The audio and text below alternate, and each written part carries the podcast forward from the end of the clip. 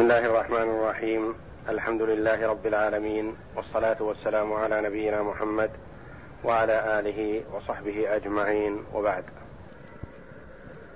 اعوذ بالله من الشيطان الرجيم ان إبراهيم كان امه قانتا لله حنيفا قانتا لله حنيفا ولم يك من المشركين شاكرا لانعمه اجتباه وهداه إلى صراط مستقيم.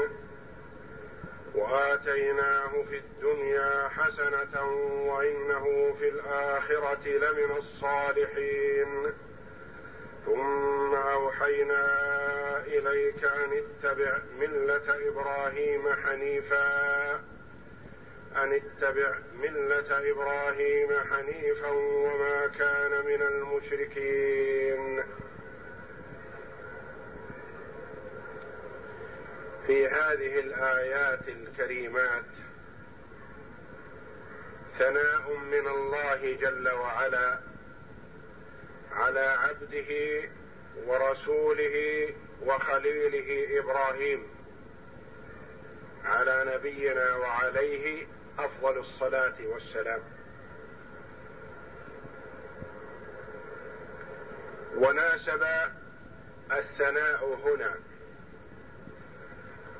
بعد ذكر الآيات التي فيها الرد على المشركين. وقد زعم مشرك قريش أنهم على دين إبراهيم.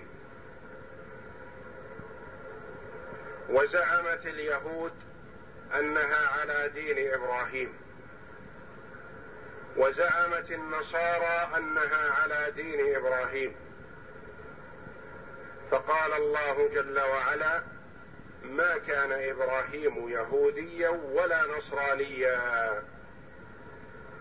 ولكن كان حنيفا مسلما وما كان من المشركين. فنفى جل وعلا أن يكون يهوديا أو يكون نصرانيا أو يكون مشركا. وهنا قال جل وعلا إن إبراهيم كان أمة. أمة. الأمة تطلق على معان عده الأمة القدوة الذي يقتدى به وإبراهيم كذلك عليه السلام. والأمة معلم الناس الخير وإبراهيم كذلك عليه السلام. والأمة هم الجماعة من الناس على التوحيد وإبراهيم كذلك كان وحده على توحيد الله جل وعلا.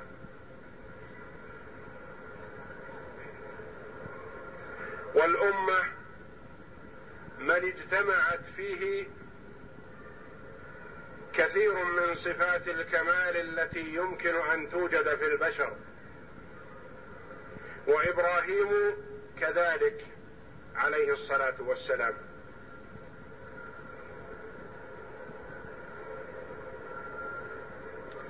إن إبراهيم كان أمة.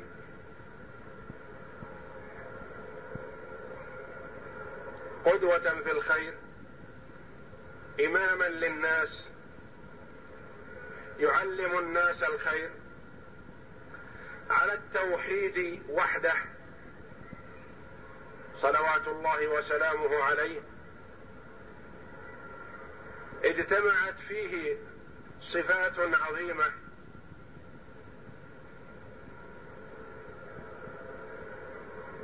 إن إبراهيم كان أمة قانتا القنوت الطاعة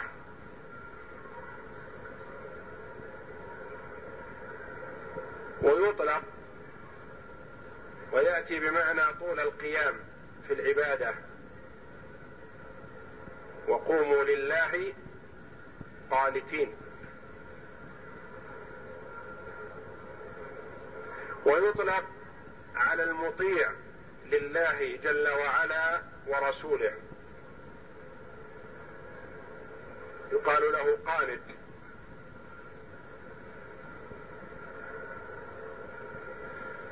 قانتا مطيعا لله وحده مقدما لأمر الله جل وعلا على أمر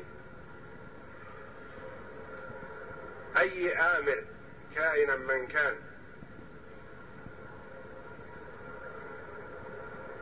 قانتا لله حنيفا. الحنيف هو المائل عن جميع الأديان المتصف بالتوحيد.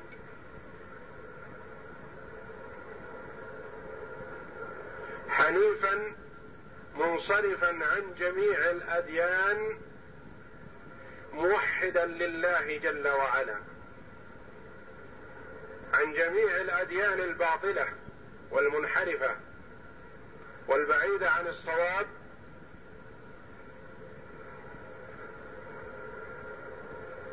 المتوجه إلى توحيد الله جل وعلا. حنيفا ولم يك من المشركين. لم يشرك بالله جل وعلا. من صغره. ولا يعلف المشركين. وتبرأ منهم. تبرأ من أقرب قريب لاتصافه بالشرك. تبرأ من أبيه. فلما تبين له أنه عدو لله تبرأ منه. تبرأ من أبيه.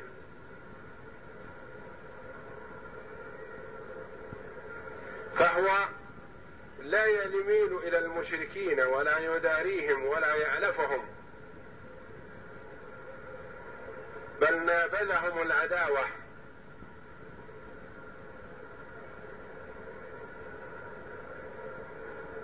ولهذا أجمع أهل الأرض في وقته على عداوته عليه الصلاة والسلام. وصار من أراد أن يتقرب إلى النمروذ الحاكم في وقته يجمع حطبا لإحراق إبراهيم. وأوقدوا النار العظيمة التي أحرقت الطير في الجو من حرارتها. ليلقوا إبراهيم فيها عليه الصلاة والسلام.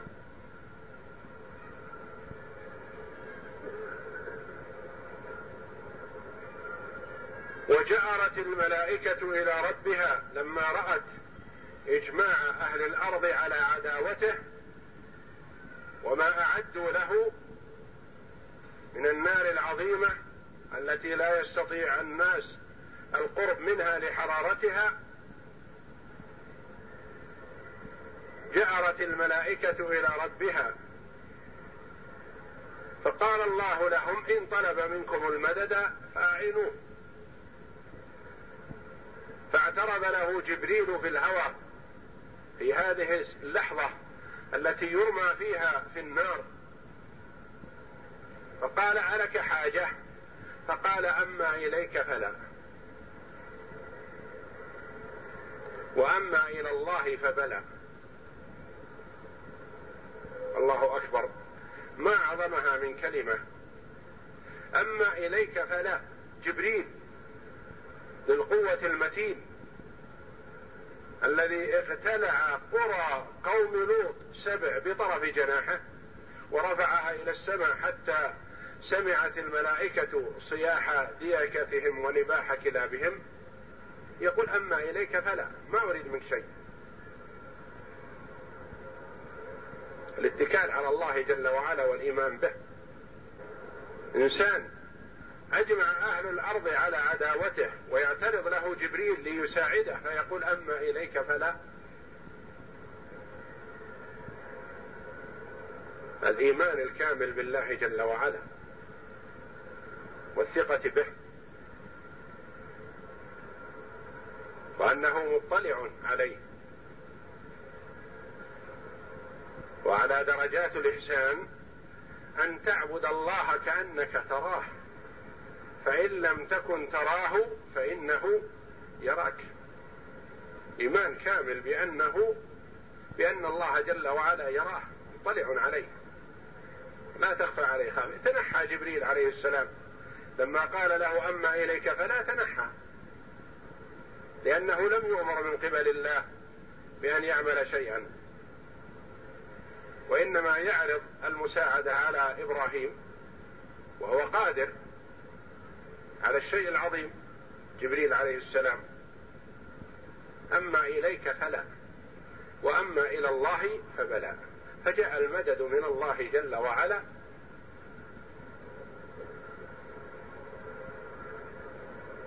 أقرب من طرفة عين. يا نار كوني بردا. وسلاما على إبراهيم. الله أكبر. أجمع أهل الأرض على عداوته. فصبر مؤمنا بالله جل وعلا واثقا به. وليس معه في ذلك الوقت لا ولد ولا والد. الأولاد ما جاءوا بعد. والوالد ضده على الشرك. والأولاد ما جاءوا إلا بعد الكبر. لما بلغ سن الشيخوخة أكرمه الله جل وعلا بالأولاد الصالحين وصار كل من جاء من الأنبياء من بعده من ذريته.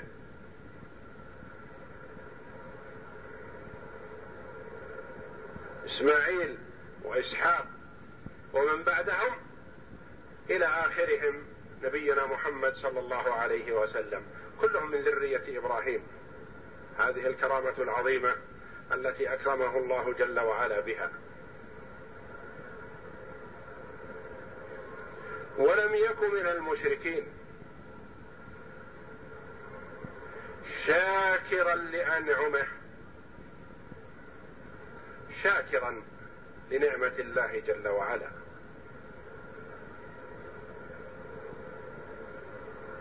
أنعم جمع نعمة. وبالشكر تدوم النعم. وتزداد وتستمر. وتكون موصولة بنعيم الآخرة لمن وفقه الله. نعيم الدنيا موصول بنعيم الآخرة لمن وفقه الله. ينتقل من نعيم إلى نعيم ومن نعمة إلى نعمة. حتى يستقر في الجنة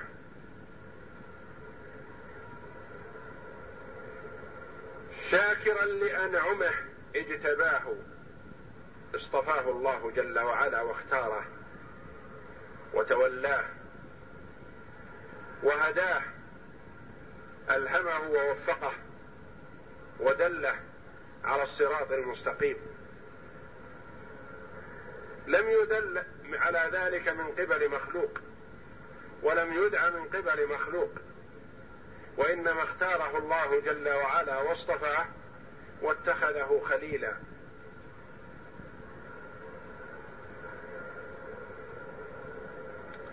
وهداه إلى صراط مستقيم. صراط مستقيم طريقة مستقيمة. لا اعوجاج فيها ولا انحراف ولا خطأ ولا ميل. قل إنني هداني ربي إلى صراط مستقيم دينا قيما ملة إبراهيم حنيفا وما كان من المشركين. وهداه إلى صراط مستقيم. وفقه إلى طريقة حسنة مثلى يسير عليها حتى يلقى الله جل وعلا. وآتيناه أعطيناه في الدنيا حسنة. حسنة الدنيا تطلق على معان كثيرة. الولد الصالح والذرية الصالحة من حسنة الدنيا. الرزق الحلال من حسنة الدنيا.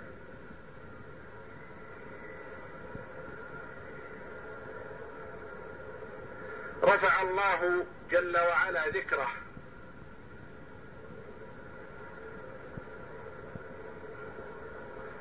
فيذكر في كل صلاة. اللهم صل على محمد وعلى آل محمد كما صليت على إبراهيم.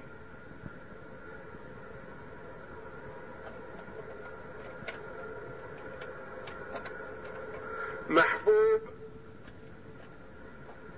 وتميل إليه جميع الطوائف من بعده.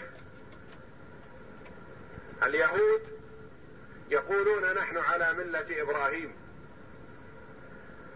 والنصارى يقولون نحن على ملة إبراهيم. والمشركون يقولون نحن على ملة إبراهيم. والمسلمون وإمامهم محمد صلى الله عليه وسلم على ملة إبراهيم. الذكر الحسن واجعل لي لسان صدق في الآخرين.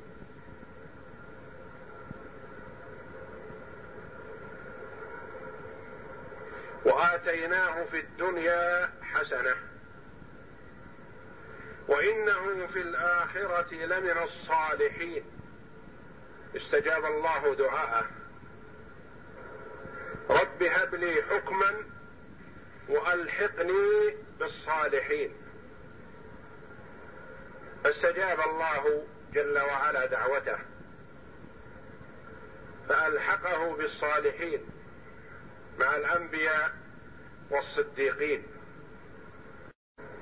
وإنه في الآخرة لمن الصالحين. في الآخرة مع الأخيار البررة. فأعطاه الله جل وعلا سعادة الدنيا والآخرة.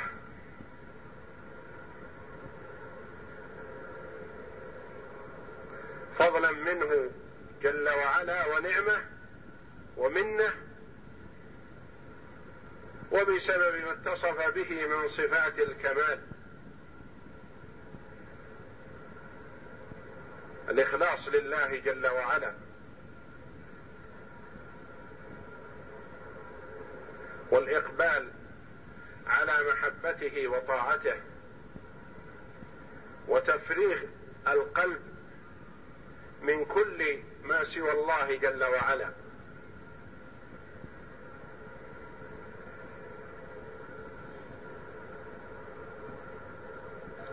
ثم أوحينا إليك يا محمد. مع هذه الصفات المذكورة صفة عظمى أخرى. أنت يا محمد خاتم الرسل وإمام الأنبياء مأمور بأن تتبع ملة إبراهيم. هذه نعمة عظيمة لإبراهيم. ثم أوحينا إليك أن اتبع ملة إبراهيم حنيفا. أوحينا إليك. أمرناك بأن تتبع ملة إبراهيم. على طريقته في منابذته للمشركين. ملة إبراهيم طريقته ونسكه في الحج.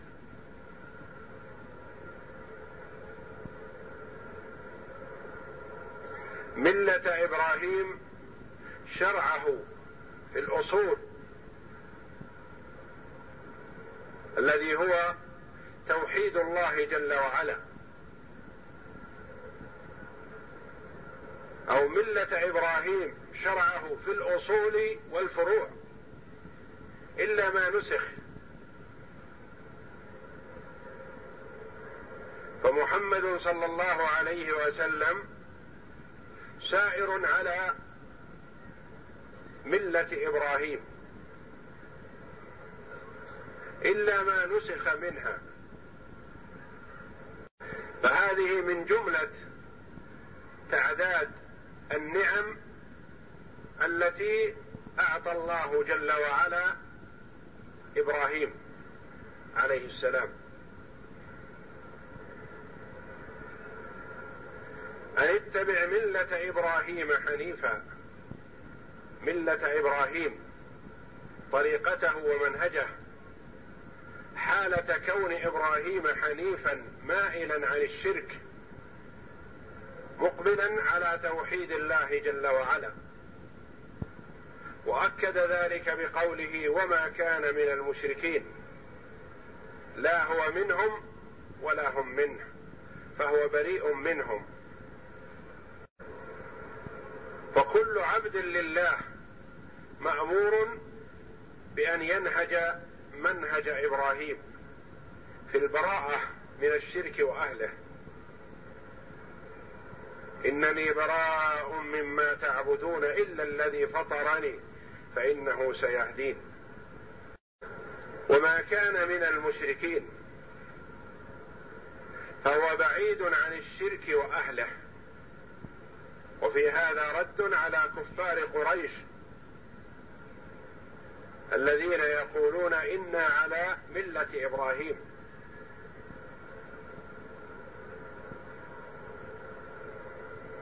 فهم ليسوا على ملة إبراهيم وإنما الذي على ملة إبراهيم هو محمد صلى الله عليه وسلم.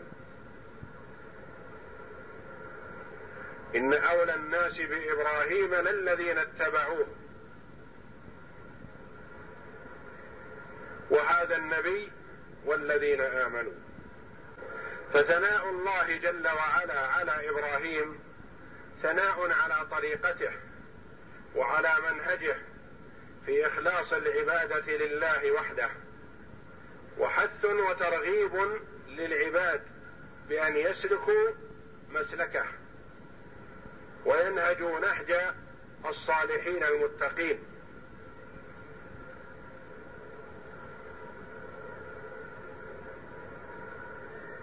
الذين شهد الله جل وعلا لهم بالصلاح والاستقامة على الحق. فأمر محمدا صلى الله عليه وسلم الذي هو أفضل الخلق أن ينهج منهجه وأن تحذو أمته نهجه صلوات الله وسلامه عليه وعلى إخوانه من النبيين. يقول الله جل وعلا إنما جعل السبت على الذين اختلفوا فيه. وإن ربك ليحكم بينهم يوم القيامة فيما كانوا فيه يختلفون. إنما جعل السبت الله جل وعلا شرع لكل أمة من الأمم يوما في الأسبوع يكون يوم عبادة وراحة من أعمال الدنيا والأشغال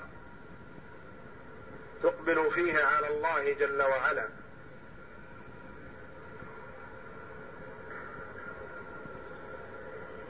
والأيام متفاضلة متفاوتة في الفضل.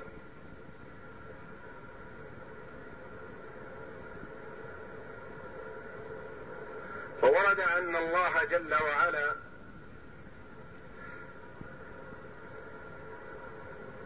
أوحى إلى موسى أن مر بني إسرائيل أن يتخذوا يوم الجمعة عيدا لهم. فأمرهم موسى عليه الصلاة والسلام بذلك فأبوا عليه. وقالوا نتخذ يوم السبت. لأنه اليوم الذي فرغ الله فيه من خلق الخلق. فاخر الأيام التي خلق الله جل وعلا فيها الخلق يوم الجمعة. ابتدأ الخلق بيوم الأحد وانتهى بيوم الجمعة. ستة أيام. خلق السماوات والأرض وما فيها. فأبت اليهود وقالوا نتخذ يوم السبت. وجاء عيسى ابن مريم على نبينا وعليه أفضل الصلاة والسلام بعد ذلك وأمر النصارى بأن يتخذوا يوم الجمعة.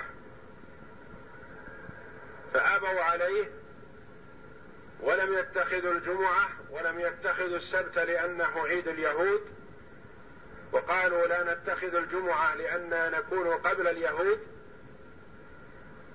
واتخذوا يوم الأحد. فظلت الطائفتان بإرادة الله جل وعلا عن يوم الجمعة. وهدى الله جل وعلا هذه الأمة بأن كان يوم عيدها الأسبوعي هو يوم الجمعة.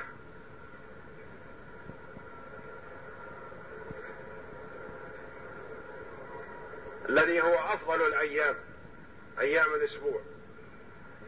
وقد ثبت في الصحيحين من حديث عبد الرزاق عن معمر عن همام عن أبي هريرة رضي الله عنه أن رسول الله صلى الله عليه وسلم قال نحن الآخرون السابقون يوم القيامة. بيد أنهم أوتوا الكتاب من قبلنا ثم هذا يومهم الذي فرض الله عليهم فاختلفوا فيه الذي هو يوم الجمعة. فهدانا الله له فالناس لنا فيه تبع. اليهود غدا والنصارى بعد غد. فقوله صلى الله عليه وسلم نحن الآخرون يعني في الزمن.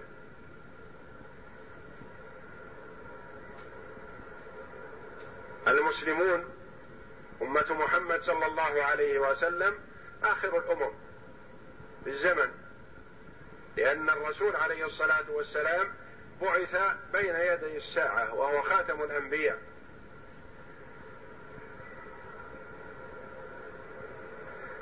السابقون يوم القيامة يقضى بين المسلمين يوم القيامة قبل الأمم. وهم أول من يدخل الجنة. فهم الأخيرون في الزمن السابقون في دخول الجنة بإذن الله. بيد أنهم أوتوا الكتاب من قبلنا هم جاءهم أنبياؤهم وكتبهم قبل محمد صلى الله عليه وسلم. ثم هذا يومهم الذي هو يوم الجمعة الذي فرض الله عليهم فاختلفوا فيه. ما قبلوه. لم يرضوا بما اختار الله لهم واختارت لهم أنبياؤهم بل اختاروا لأنفسهم. رفضوا اختيار أنبيائهم. ولم يقبلوا الجمعة وجعلوا يوم السبت عيدهم اليهود والنصارى جعلوه يوم الأحد. فهدانا الله له هدى الله جل وعلا هذه الأمة لهذا اليوم العظيم الذي هو أفضل الأيام يوم الجمعة. فصار عيدهم الأسبوعي. فالناس لنا فيه تبع يعني بعدنا. نحن قبلهم في العيد. عيدنا يوم الجمعة واليهود يوم السبت الله جل وعلا على اليهود النقمة والابتلاء والامتحان يوم السبت. وأهلك من عصى الله جل وعلا فيه. ومسخهم قردة وخنازير الذين اعتدوا في السبت. حرم الله عليهم الصيد صيد السمك يوم السبت لأنه يوم عيد عيدهم. فتحيلوا لذلك ووضعوا شراكهم في البحر يوم الجمعة وأخذوها يوم الأحد وكان يكثر في يوم السبت فيأتي فيدخل الشبكة فلا يستطيع الخروج فيأخذونه يوم الأحد. حيلة لاستحلال ما حرم الله. حرم الله عليهم الصيد يوم السبت فقالوا ما صدنا يوم السبت وإنما وضعنا يوم الجمعة وأخذنا يوم الأحد. وكل من تحيل على استحلال ما حرم الله ففيه شبه من اليهود في ذلك وهو مقوت على لسان محمد صلى الله عليه وسلم. وجميع الحيل محرمة في شريعتنا الإسلامية. من تحيل على الربا فهو متوعد بالوعيد الشديد. وكذلك من من تحيل على استحلال ما حرم الله فهو متوعد بهذا الوعيد. ومثل ذلك الذي يتخذ حيلة لتحليل المرأة التي طلقها زوجها ثلاثا فيأتي المحلل الذي يريد أن يحللها لزوجها الأول فيحل فيتزوجها لا رغبة فيها وإنما ليكون ذلك حيلة. ثم يطلقها فيتزوجها زوجها الأول. وهذا محرم. وسماه النبي صلى الله عليه وسلم التيس المستعار. ولعنه صلى الله عليه وسلم. لعن المحلل والمحلل له. الأول والثاني ملعونون على لسان محمد صلى الله عليه وسلم. لأنهم ما ساروا على شرع الله وإنما تحيلوا على تحليل ما حرم الله. وكل من تحيل واتخذ الحيل لاستحلال ما حرم الله ففيه شبه من اليهود في ذلك. إنما جعل السبت على الذين اختلفوا فيه. جعلت عقوبة السبت والمسخ الذي حصل لهؤلاء الذين اختلفوا. ولم ينتهي الأمر في الدنيا وما حصل من المسخ بأن مسخ.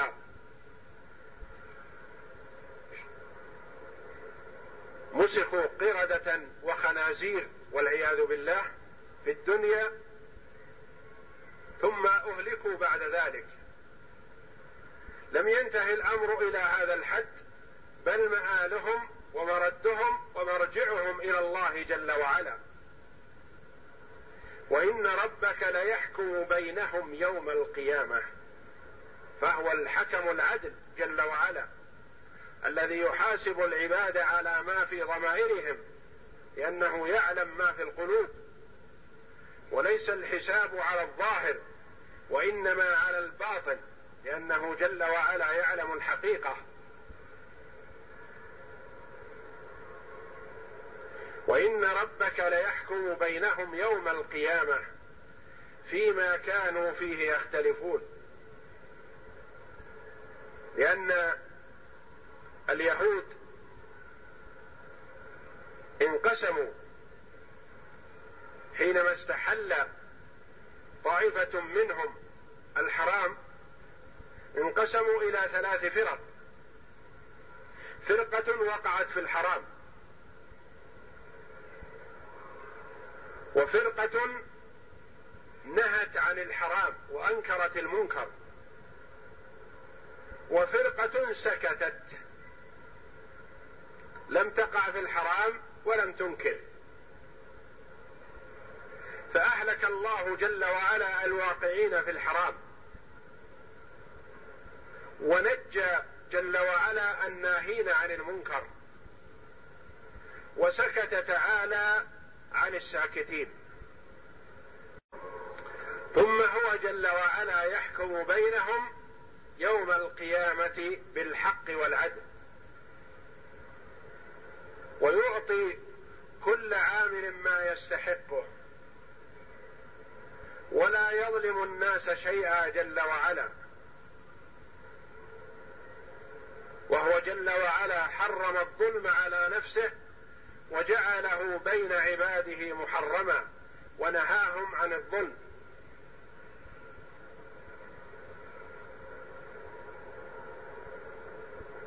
وحذر صلى الله عليه وسلم من ظلم العباد بعضهم لبعض.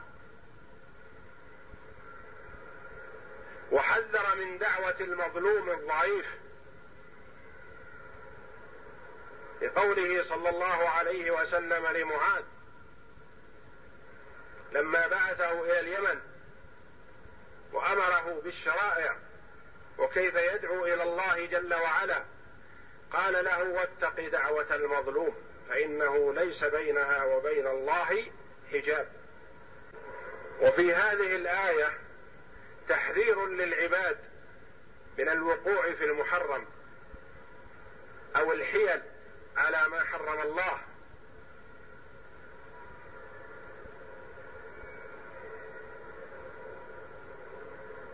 التحيل على الغش أو الخيانة. التحيل على أكل الربا. التحيل على أكل أموال الناس بالباطل. التحيل للاستحلال ما حرم الله.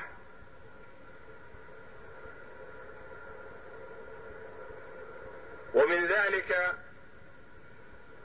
من يسافر في رمضان لا لغرض وإنما لأجل أن يفطر ليتغيب عن الصيام أو من أجل أن يقضي صيامه إن رغب في قضائه في وقت يناسبه جوا يكون الجو مناسب له. فالسفر في هذه الحال تحيل على استحلال ما حرم الله. وأما من سافر لغرض صحيح فقد أذن الله جل وعلا له بالفطر وعليه أن يقضي من أيام أخر.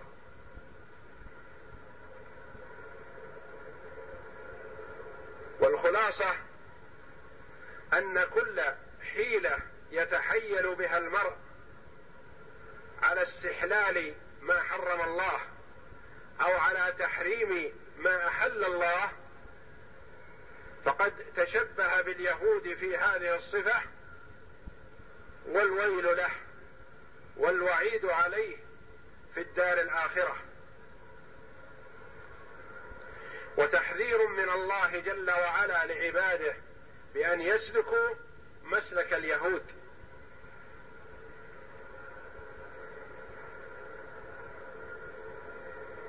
وإنما على المسلم أن يقتدي بنبيه محمد صلى الله عليه وسلم. وأن يتخذه القدوة والأسوة الحسنة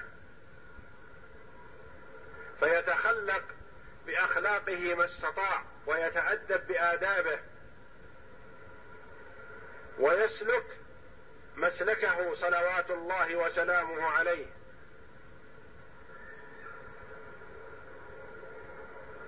متبعا خيار أمته صلى الله عليه وسلم وهم صحابته الكرام رضوان الله عليهم.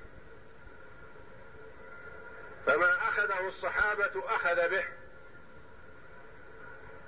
وما تركه واجتنبوه اجتنبه لأنهم المشهود لهم في الفضل والصلاح. شهد الله لهم في ذلك. وشهد لهم الرسول صلى الله عليه وسلم بقوله خير القرون قرني الحديث. فخير هذه الأمة هم أصحاب محمد صلى الله عليه وسلم. فمن كان مقتديا متبعا فليسلك مسلكهم وليأخذ بسنتهم. ليسعد وينجى وينجو عليكم بسنتي وسنة الخلفاء الراشدين المهديين من بعدي تمسكوا بها عضوا عليها بالنواجذ وإياكم ومحدثات الأمور. فقد أمرنا صلى الله عليه وسلم بالاتباع ونهانا عن الابتداع.